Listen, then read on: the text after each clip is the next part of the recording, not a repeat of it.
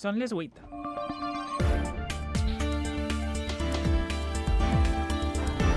Les notícies de la nit, amb Sara Garcia i Chelo Vicente. Hola, com estan? 172. Eixe és el nombre de municipis que a comptagotes van perdent població i, per tant, vida. El Consell ha celebrat avui el ple dels divendres a Castell de Cabres. La tria no ha sigut casual. És el poble amb menys habitants de tota la comunitat valenciana. I avui, en l'ordre del dia d'aquest ple, estava l'aprovació de l'avantprojecte de llei integral de mesures contra el despoblament. Una norma que vol fomentar la igualtat, segons ha expressat el conseller d'Hisenda i Model Econòmic Arcadi Espanya. Una paraula que resumís aquest avantprojecte és igualtat. Igualtat per a que els valencians i valencianes dona igual a on visquen tinguen l'accés a les mateixes oportunitats. La falta de treball, les males comunicacions o la falta de serveis des dels educatius fins als sanitaris, passant per altres tan, tan quotidians com internet, provoquen l'èxode dels del veïnat a les ciutats mitjanes o grans, sobretot de la gent més jove. I aquesta falta de població comporta una pèrdua de serveis i es crea un cercle viciós perquè justament aquesta falta de serveis es converteix en una barrera perquè la gent torne a viure al poble, almenys que s'ho plantege. Per a intentar revertir aquesta situació, el Consell impulsa este avantprojecte de llei, tot i que la població és escèptica davant d'aquestes polítiques per a frenar aquest despoblament. Encara que el veïnat de Castell de Cabres avui ha agraït el trencament de la rutina amb tanta gent transitant pels seus carrers. Això ha sigut algo pues, ja fora de lo, de lo comú. No, aquí la, la tranquil·litat normalment és, és màxima. Me pareix molt bé que vinguen a veure que, directament a veure com està la cosa. Així. Esta és una de les notícies destacades d'avui divendres 16 de setembre, però hi ha d'altres que repassem en el sumari amb Chelo Vicente, al control tècnic Hermini Lozano.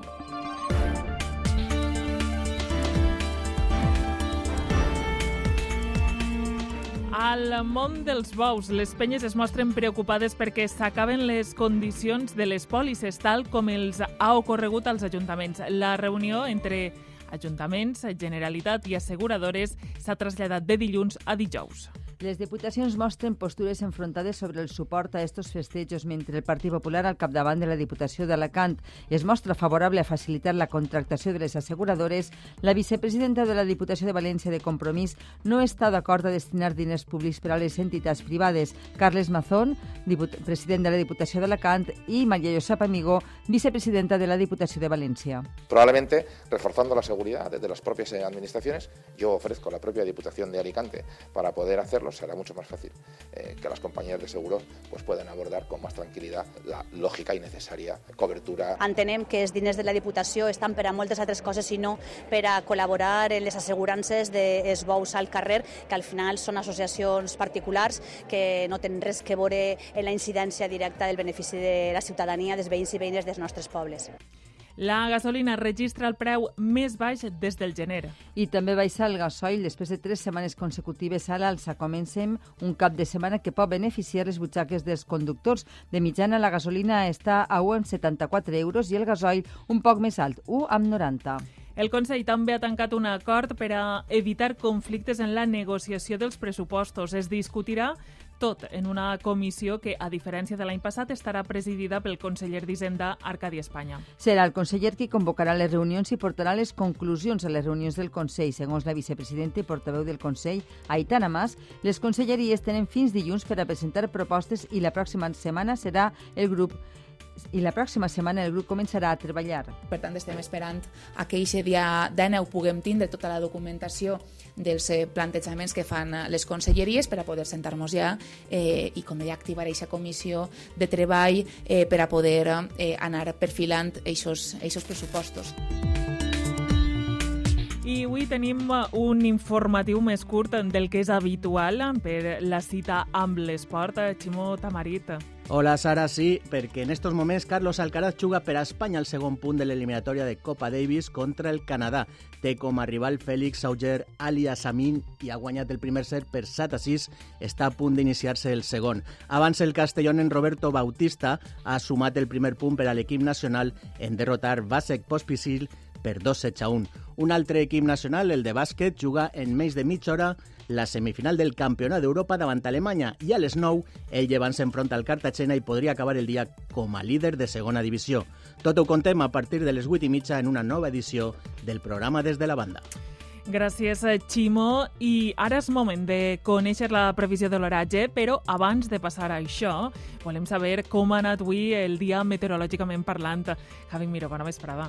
Bona vesprada, Sara. De moment, tempestes a l'interior, que ja s'han esvaït. Eh, tenim ja pràcticament cel assolellat en la major part del territori i destaquen els 19 litres que han caigut a Xixona, els 17 a Villena, els 15 de Vistabella del Maestrat o els 13 de Cervera del Maestrat, amb màximes que fa calor, eh, sobretot perquè tenim humitat, encara tenim sensació de basca, que han oscil·lat entre els 25 i els 30, puntualment per damunt. S'ha assolit els 33 graus, per exemple, a Oriola o a Xàtiva. Uh -huh. Ara sí, volem saber què tindrem esta nit, però sobretot este cap de setmana. Hem de començar a pensar en la Rebeca, hem d'agafar el paraigua o més bé el parasol? Què, què, què ens proposes? De tot, este cap de setmana, de tot. Esperem eh, una primera part del dissabte marcada per la nuvolositat de tipus baix, temperatures mínimes que baixaran, i atenció perquè podrien tindre les primeres tempestes en punts de la Marina Alta i també de l'Alacantí eh, podrien deixar puntualment algun ruixat mm, fort, però passaria ràpid demà de matí. De vesprada te creixeran tempestes també a l'interior d'Alacant, amb temperatures màximes que baixaran una miqueta i també les temperatures mínimes. Però atenció, sí que tenim que parar molta atenció a la nit de dissabte i la matinada de diumenge, perquè allí sí que podrien tindre precipitacions fortes en qualsevol punt del litoral. Descartaria l'extrem nord, però a la resta del litoral podríem tindre ruixats forts que avançarien del litoral cap a l'interior a mesura que avançara el matí de diumenge. Tot això amb temperatures màximes més baixes i la vesprada de diumenge marcada ja per intervals de núvols i un ambient més, més agradable. Més estable, no? Sí. Doncs estarem molt atents i molt atentes, sobretot la gent que visca a la costa i després també la gent de l'interior per allò de si va desplaçant-se. Però lo fort al litoral. Cura. Esperem que siga de nit i ens pilla al llit o dins de casa. Gràcies. Escoltes a punt. Les notícies de la nit. Estàs a un clic de fer de la participació un element de canvi, perquè ja pots apuntar-te als cursos online per a formar-te en associacionisme i descobrir tot allò que has de saber per a dinamitzar el teu entorn. Entra al portal GBA Participa per a conèixer els detalls. Generalitat Valenciana, tots a una veu. Les notícies de la nit, amb Sara Garcia i Chelo Vicente.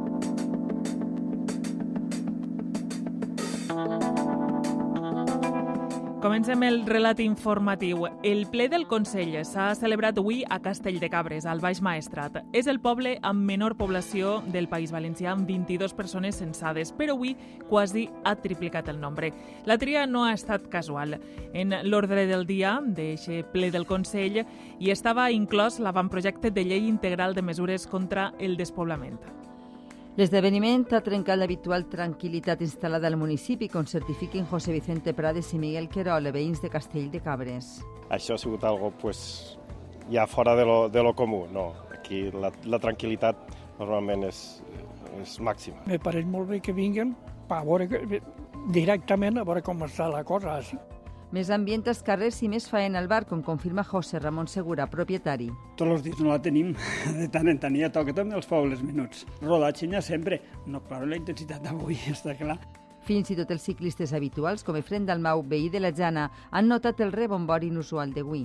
Estava fent bicicleta i m'ha sorprès que hi havia molta gent per aquí i normalment està molt tranquil. Un poble on el silenci es converteix en quotidianitat. I avui a la millor jo vinc així i no trobo ningú i et cau el món damunt. Una vivesa que recorda altres èpoques passades quan totes les cases estaven habitades. I justament l'avantprojecte de llei integral de mesures contra el despoblament que ha aprovat avui el ple del Consell té com a objectiu que els 178 municipis que estan en risc de despoblament no acaben sense veïnat. Fins a 80.000 veïns i veïnes estan censats en aquestes localitats. Esta llei pretén protegir la població que tria continuar vivint en estos municipis tot i les mancances amb què compten. És el que ha dit el conseller d'Hisenda i Model Econòmic Arcadi Espanya. Una paraula que resumís este avantprojecte és igualtat. Igualtat per a que els valencians i valencianes dona igual a on visquen tinguen l'accés a les mateixes oportunitats. El despoblament s'identifica per una població envellida, falta de serveis com escoles o metges, també per les dificultats per accedir a internet i poder teletreballar. Per això la llei pretén oferir serveis bàsics. En este sentit, incentivarà que el personal mèdic i el docent visca en estos pobles. Així mateix, vol fomentar plans d'ocupació per a joves i promoure l'atenció personalitzada a les persones majors. El transport públic també és un element fonamental d'esta llei i l'ocupació l'ocupació. Tenim exemples de que també en els municipis d'interior, en les comarques d'interior, hi ha iniciatives econòmiques molt potents i moltes empreses que aposten per l'interior també, per les facilitats que hi ha.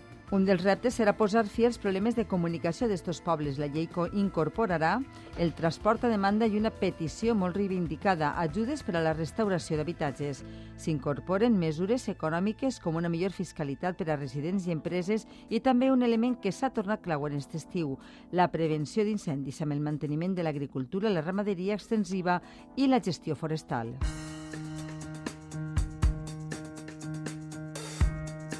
El Consell també ha tancat un acord per a evitar conflictes en la negociació dels futurs pressupostos. Es discutirà tot en una comissió que, a diferència de l'any passat, estarà presidida pel conseller d'Hisenda Arcadi Espanya, un model que, de moment, satisfà totes les parts dins del Botànic. Xavier García del Valle. En compromís li diuen comissió i en Hisenda grup de treball però el resultat és el mateix, una negociació política com la que reclamaven Compromís i Unides Podem al marge del Consell, però presidida pel conseller d'Hisenda. A diferència del que va fer l'antecessor, Vicent Soler, Arcadi Espanya no té inconvenients a presidir el grup. Això li atorga, de fet, tot el control de la negociació. Ell convocarà les reunions i portarà les conclusions a les reunions del Consell. Les conselleries tenen fins dilluns per a presentar propostes i la pròxima setmana el grup començarà a treballar. El model no sembla presentar problemes per a ningú. Aitana Mas és la portaveu del Consell. Per tant, estem esperant a que aquest dia d'aneu puguem tindre tota la documentació dels eh, plantejaments que fan eh, les conselleries per a poder sentar-nos ja eh, i, com deia, activar aquesta comissió de treball eh, per a poder eh, anar perfilant aquests pressupostos. De moment se supera així un dels elements que més conflictes va generar l'any passat al si del Consell, on la vicepresidenta Mònica Oltra i el titular d'Hisenda, Vicent Soler, van mantindre posicions enfrontades sobre el model de negociació. Una negociació a la qual Arcadi Espanya i Ximo Puig es van comprometre a incorporar empresaris i sindicats. I més qüestions polítiques. Qui sí que ja té dates per a celebrar primàries és Podem. El Consell Ciutadà Estatal les ha fixades entre el 10 d'octubre i el 4 de novembre per a tots els territoris. Les primàries de Podem estan obertes a totes les persones inscrites que podran votar per via telemàtica els candidats a les eleccions municipals i autonòmiques de 2023 i primers moviments a Ciutadans per a fer-se amb el lideratge del partit de cara a les pròximes eleccions autonòmiques. La diputada Mamen Peris i el militant alacantí José Miguel Zaval han anunciat este matí la intenció de presentar-se a les primàries, tot i que ni tan sols estan convocades. Ens ho explica Adelaida Ferre. No hi ha encara data per a les primàries per als ciutadans, ja hi ha qui espera el dret d'eixida. La diputada Mamen Peris i el militant d'Alacant, José Miguel Zaval, han anunciat que es presentaran a les primàries del partit decimos que José Miguel y yo nos vamos a presentar a las elecciones, a las primarias que tendremos en nuestro partido autonòmiques. L'una ho farà per València i l'altre per Alacant, i tot això al marge de la direcció del partit i de la síndica Ruth Merino, que encara no ha mogut fitxa, tal com explicava esta mateixa setmana. Cuando llegue el momento de tomar la decisión en función de las circunstancias personales, de partido, de todo, pues yo lo decidiré i us lo comunicaré. Peris i Sabal diuen que fan el pas per a demostrar que el partit és fort, però avui no s'han estalviat crítiques al procés de refundació que està duent a terme Inés Arrimadas.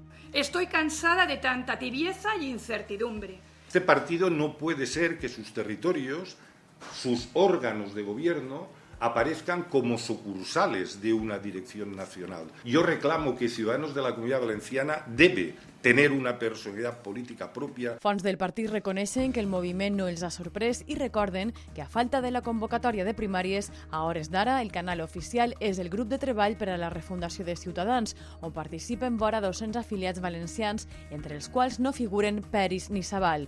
I tot això entre un goteig de baixes. Avui mateix ha dimitit un regidor de Sant Vicent del Raspeig. Escoltes a punt. Les notícies de la nit.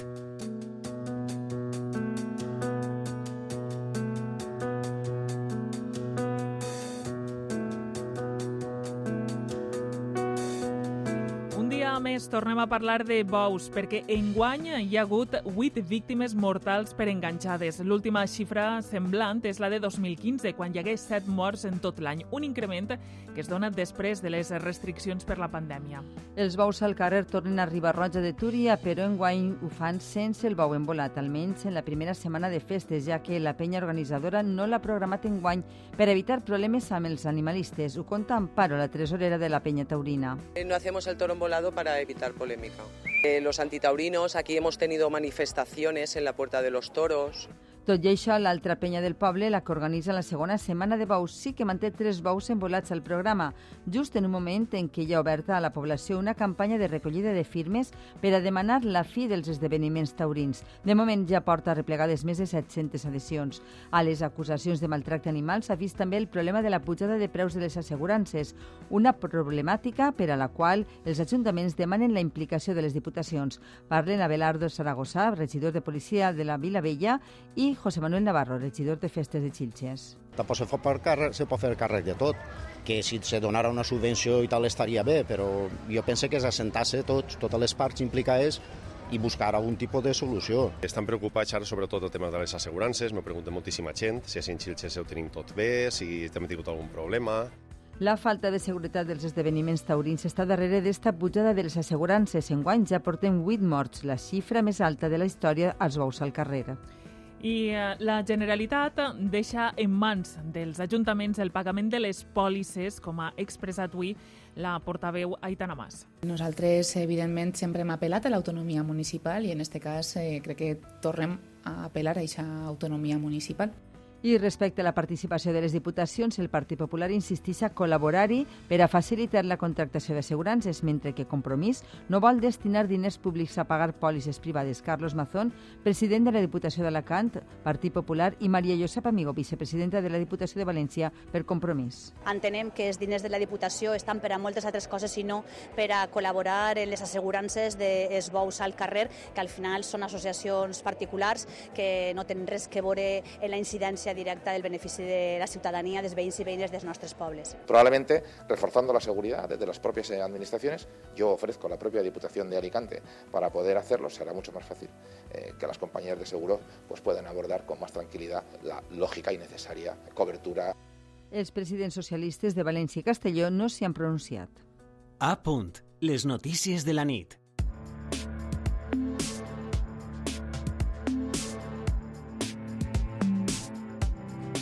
A les portes del cap de setmana tenim una notícia positiva per a, que tinguen, per a aquelles persones que tinguen pensat viatjar en cotxe. La gasolina registra el preu més baix des del gener i també ha baixat el gasoil després de tres setmanes consecutives a l'alça.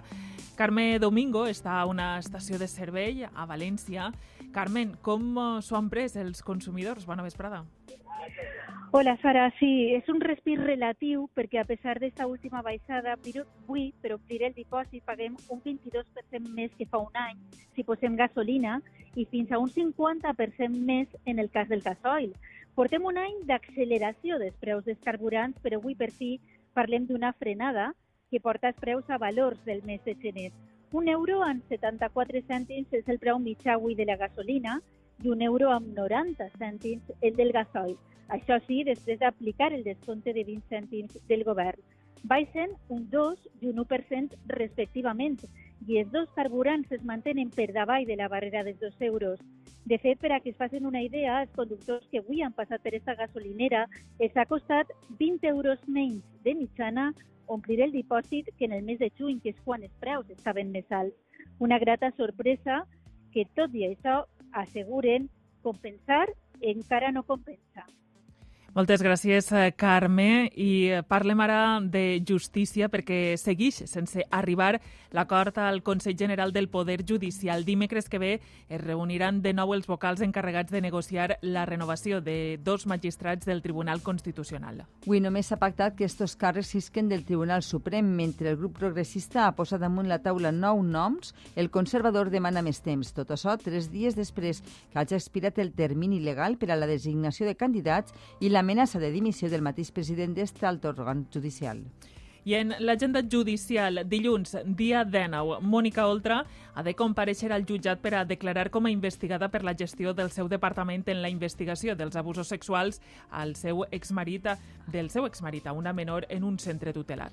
A preguntes dels periodistes durant la roda de premsa després del ple del Consell, Aitana Mas, vicepresidenta del Consell, ha contestat que s'han de respectar les decisions judicials. Nosaltres anem a respectar, com sempre hem fet els processos judicials i, per tant, estarem a, l'espera de lo que, eh, en aquest cas, el sistema judicial decidisca i com vaig avançant aquest procediment judicial, estem, eh, diguem, esperant a que, en aquest cas, este procés acabe.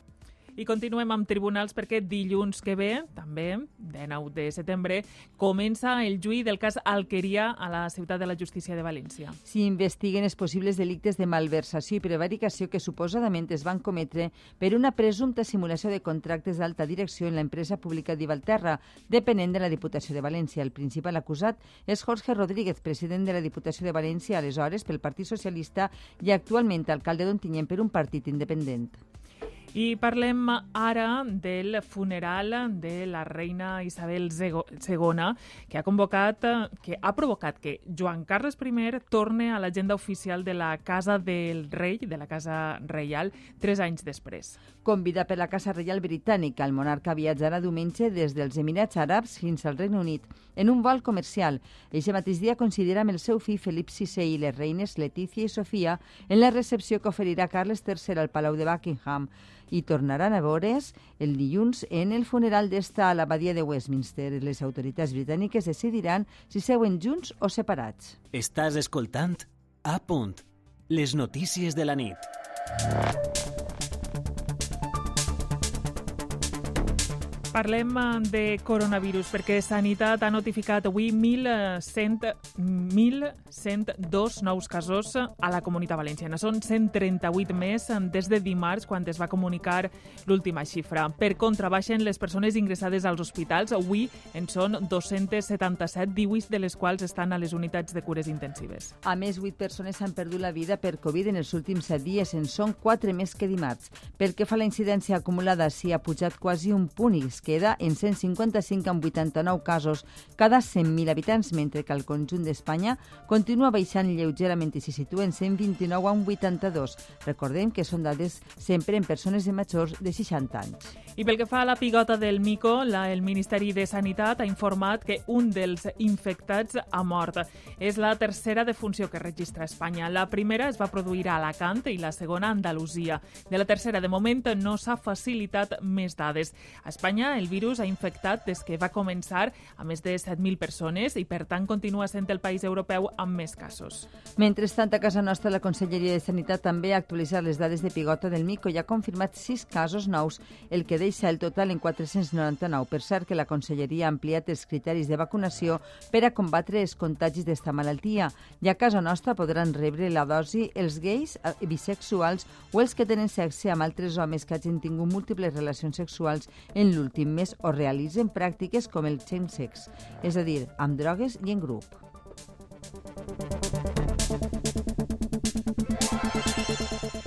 I esta tardor es poden tornar a donar pluges torrencial o les ja conegudes com a dana, una inclemència meteorològica que ocorre per les altes temperatures d'aquest estiu en la mar. Recordem que al nostre territori la mar ha arribat fins als 30 graus i aquesta acumulació de la calor té dos efectes sobre l'atmosfera. Per una banda, augmenten les nits tropicals i per l'altra es poden formar, com ja hem les gotes fredes o. Jorge Olcina és el director del Laboratori de Climatología de la Universitat de Alacant y nos explica. Este otoño va a ser especialmente complicado, ¿no? Tenemos que estar muy atentos a la evolución del tiempo porque cualquier ligera inestabilidad podría desembocar en una situación de lluvias importantes. I justament al centre d'Itàlia una forta tempesta ha causat 10 morts i hi ha dues persones desaparegudes. Com eh, i dues persones desaparegudes. Els municipis afectats s'afanyen ara a retirar les restes de fang, cotxes arrossegats i solsides de terra són les conseqüències d'un fenomen violent i sobtat. Les autoritats locals asseguren que no hi havia cap avís de pluges torrencials. Han caigut 400 litres per metre quadrat en poc més de dues hores.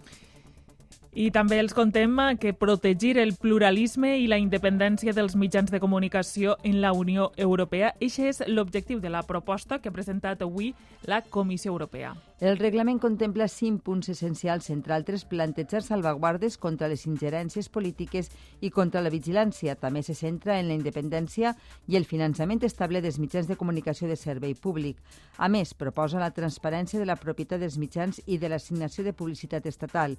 El quart punt estableix mesures per a protegir la independència dels editors i revelar els conflictes d'interessos i, finalment, la llei vol supervisar la qüestió de la concentració dels mitjans de comunicació i crearà un nou conseller europeu de serveis de mitjans de comunicació independent.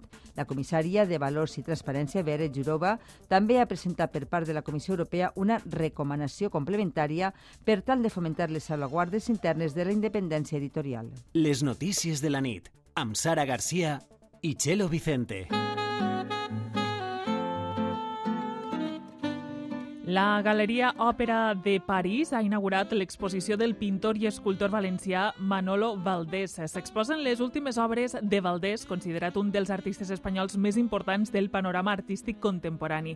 S'hi poden contemplar 20 escultures monumentals i 22 pintures de gran format, peces úniques que ens transporten a l'univers del pintor en què fa un homenatge a Velázquez, Botticelli, Matisse o Giacometti. Una exposición bastante completa en la que estoy enseñando al menos 20 o 25 obras creadas en los últimos tiempos, el, el, con lo cual hay un equilibrio eh, bastante sensato.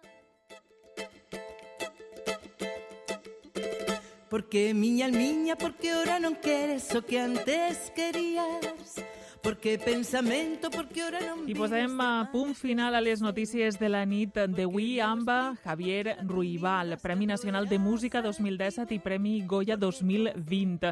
I ho fem amb aquesta cançó que estem escoltant, Soy este que cantava, perquè a les 8, des de les 8, està actuant a València presentant el seu nou disc que porta justament el nom de Ruibal.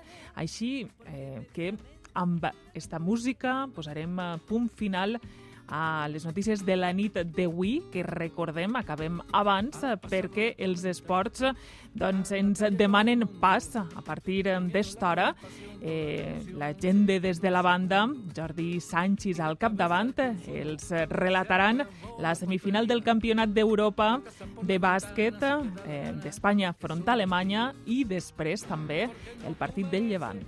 Així que molt bona nit i que passen un molt bon cap de setmana. Adeu, fins dilluns. Gasta lo que quieras, la vida sigue adelante, la bolsa sube implacable, repunta la economía pero no la mía, échame un cable, anda y cómprate una entrada, te invitamos al Edén, ven por tu madre al concierto y a la tele que le den. Estamos de nuevo abiertos, emoción y carcajada. Agüita para el desierto, por unos euros de nada, por unos euros de nada.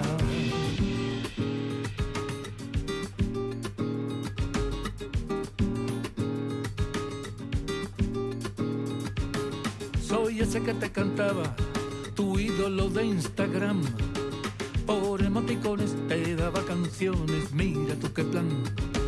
No te llenan la cazuela, el verso y la melodía. El futuro incierto sin un concierto y con alegría. La copla la vendo al peso en remates.com.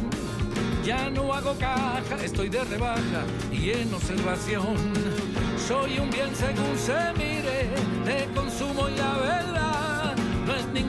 ni bisutería, yo soy calidad.